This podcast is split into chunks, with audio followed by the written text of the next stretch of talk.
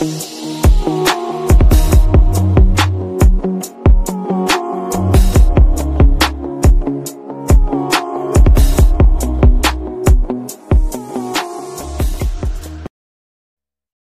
saudara-saudara, selamat datang di podcast. Selamat pagi. Bagaimana kabarmu hari ini?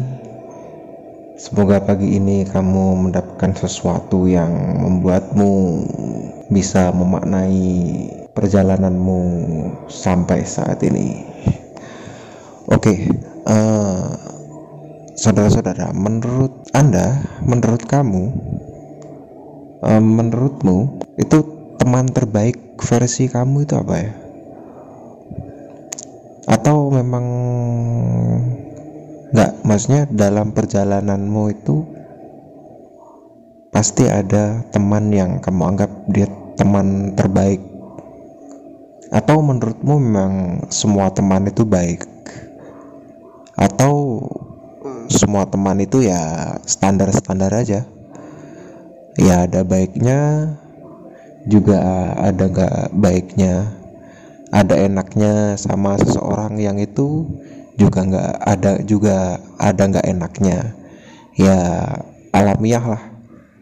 Naluri manusia kadang sukanya juga bertempo. Artinya mungkin sehari dua hari kita suka sama dia.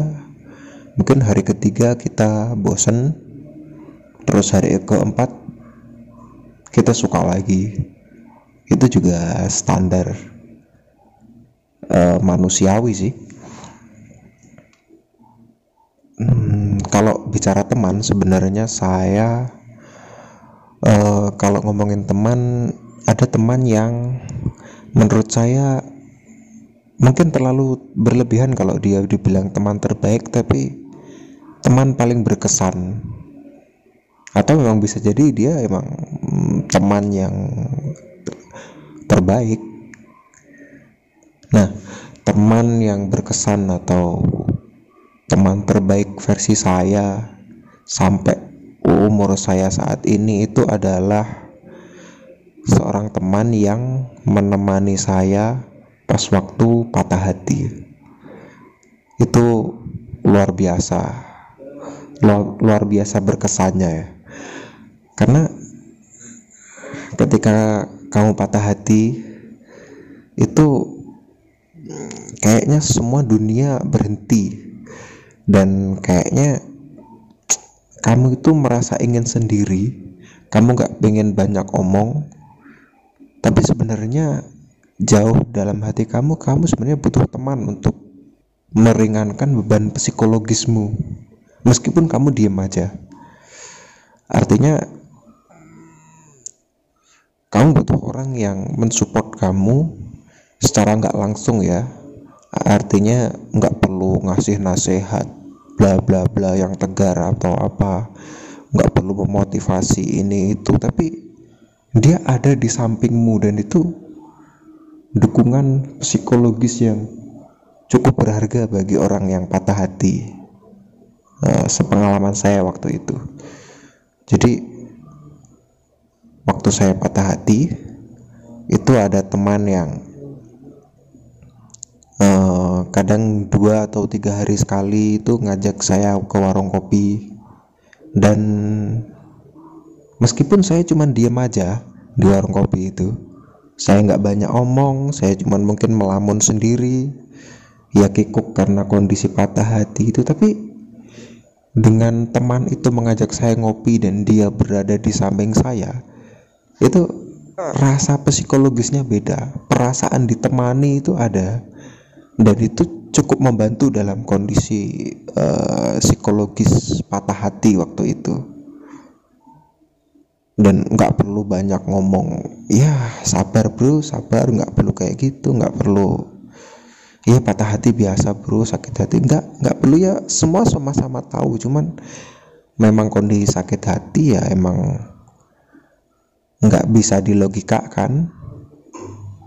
Itu kondisi psikologis dan uh, secara pribadi kita butuh dukungannya juga dukungan psikologis dengan cara ditemani tersebut.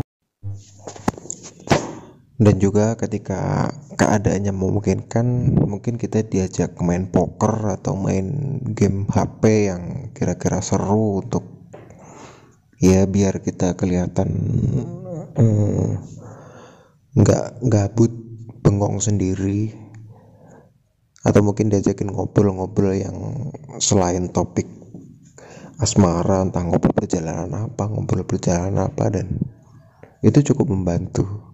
Artinya seenggak ngapa-ngapain kita sebengong-bengongnya kita itu kayak ketika ada orang di samping kita itu secara psikologis cukup membantu baik itu apalagi di tempat umum seperti di warung kopi ya. Kalau enggak gitu mungkin di kamar terlalu sendiri karena juga enggak baik. Atau mungkin di, di kamar terus ada temen yang datang ya entah satu atau dua terus nggak ngajak ngobrol tapi dia ada di samping kita itu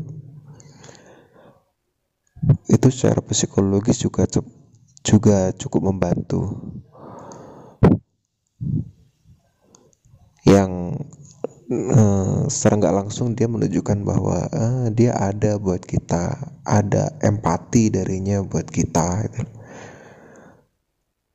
dan juga yang lebih istimewa lagi ketika mereka mampu mewadahi setiap uh, omongan-omongan curahan-curahan hati kita itu loh entah itu omongan emosional yang lebih sebagai omong kosong.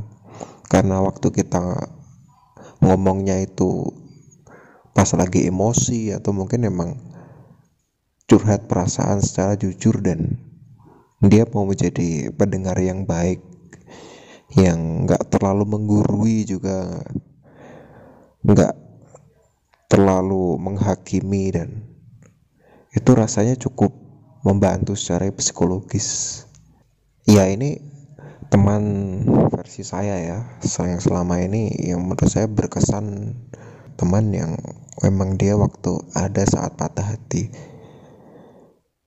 Artinya meskipun suatu ketika kita ada uh, konflik emosional dengan mereka entah karena persoalan yang memang uh, sama-sama panik sama-sama kalut ya itu mungkin sehari dua hari tapi sebulan lama-lama kita juga sama-sama sadar bahwa ya dia emang teman yang baik dan konflik itu menjadi nggak begitu berarti dibandingkan dengan kesan pertemanan yang hadir sebelumnya yang saat kita itu ditemani oleh dia waktu lagi patah hati.